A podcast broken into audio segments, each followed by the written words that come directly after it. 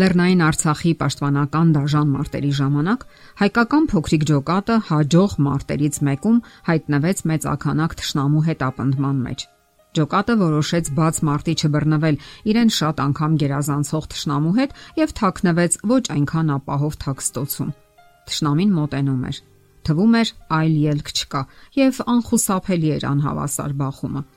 Ջոկատի հրամանատարը առաջարկեց խմբով աղոթել մարտիկներն աղոթեցին։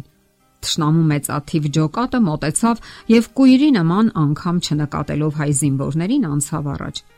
Նրանց մտքով անգամ չանցավ որևէ քայլ անել այդ ուղությամբ, ուր հայ մարտիկներն էին։ Զարմացած զինվորներին մնում էր միայն շնորհակալություն հայտնել Աստծուն եւ փառաբանել այդ մեծագործության համար։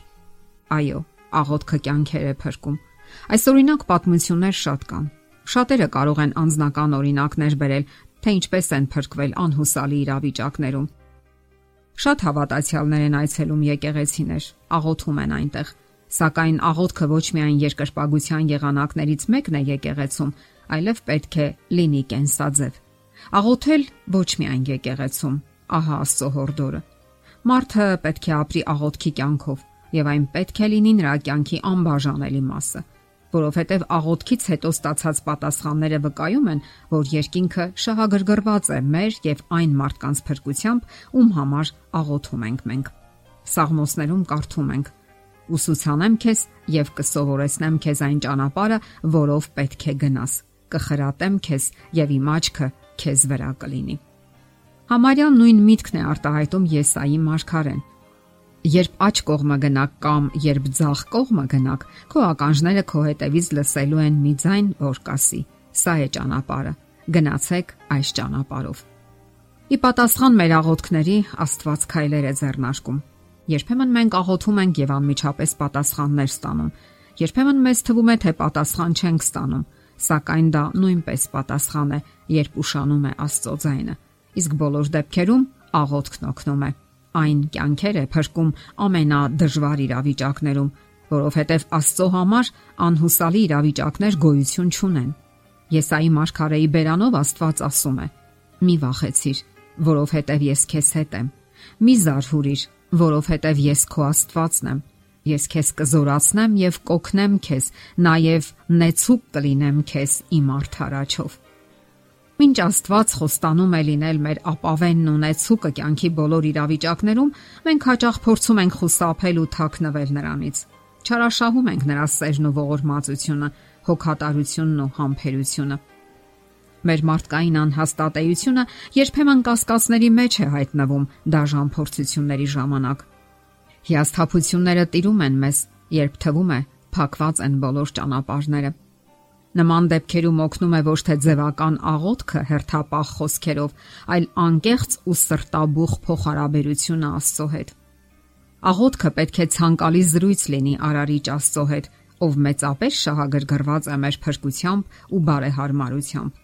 Մարդու մեջ միշտ պետք է վառ լինի այն գիտակցությունը, որ Աստված իր կողքին է եւ վայրկյան անգամ չի լքում, եւ որ փրկությունն ու կյանքը միայն նրա ձեռքերում է։ Աղոթքը զորացնում է մարդուն։ Այն ապրելու եւ ստեղծագործելու զորություն է ավելացնում մարդու սրտում, լցնում է հոգին խոր երկյուղացությամբ։ Մենք տեսնում ենք, թե ինչպես են փոխվում ու փրկվում կյանքերը։ Հիվանդներն առողջանում են աղոթքից հետո, հանցագործներն ու երթվյալ մարդասպանները սուրբեր են դառնում։ Մենք տեսնում ենք, թե ինչպես աղոթքի արդյունքում հառնում են եկեղեցիները, Հազարավոր ու միլիոնավոր մարդիկ են դարձի գալիս եւ թե ինչպես այդ ամենի արդյունքում առողջանում է հասարակությունը։ Իսկ ամենակարևորն այն է, որ աղոթքի ժամանակ մենք ակնթարթորեն կապվում ենք Աստծո հետ։ Նույնիսկ ավելին, դեռ չարտաբերած մեր բարերը նա արդեն գիտի թե ինչ է անհրաժեշտ մեզ։ Մենք շատ արագ պատասխաններ ենք ստանում Աստծուց։ Երբեմն մեզ թվում է թե պատասխանն ուշանում է, սակայն դա միայն թվում է, որովհետև Աստված գիտի, թե երբ եւ ինչպես պատասխանի մեր խնդրանքներին, եւ մեզ համար բացվում են երկնային գանձերը։ Չմոռանանք նաեւ այն ճշմարտությունը, որ Աստված ամենուր է։ Նա լսում է մեզ երկրի ցանկացած վայրից։ Կարիք չկա որևէ առանձնահատուկ տեղ գնալու աղոթքի համար։ Աստվածաշնչում կարդում ենք, թեև ինքը հերու չէ մեր ամեն մեկից։ Մենք արդեն նշեցինք, որ Աստված գիտի մեր սրտի խորքը։ Նրան հայտնի է յուրաքանչյուր խնդրանք եւ կարիք նախքան մեր ներկայացնելը։ Սակայն նա ցանկանում է, որ մենք սովորենք դիմել իրեն։ Մեկ այլ համարում կարդում ենք. Դու Տեր, ամենի սրտագետ Եվ ինչպես ծնողի համար է հաճելի ու բերկրալի, երբ երեխան դիմում է իրեն, կիսվում խնդրանքներով ու հույզերով, այնպես էլ Աստծո համար է կարևոր, երբ մարդը գիտակցում է իր կարիքը եւ հույսով ու հավատով դիմում իրեն։ Շատ կարևոր է, որ մարդը զգա իր հոգեվոր աղքատությունն ու մերկությունը, բնավորության թերությունները եւ պարզապես մարդկային անկատարությունը։ Այդ դեպքում նա առավել քան կզգա Աստծո կարիքը կզգա մարդկային սահմանափակությունն ու մահվան դատապարտվածությունը եւ Աստծո պաշտպանության կարիքը։ Եվ այս բոլորը պատճառ կդառնա Աստծո հետ ավելի ամուր փոխհարաբերությունների։ Նաև կարող ենք լսել նրա ձայնը։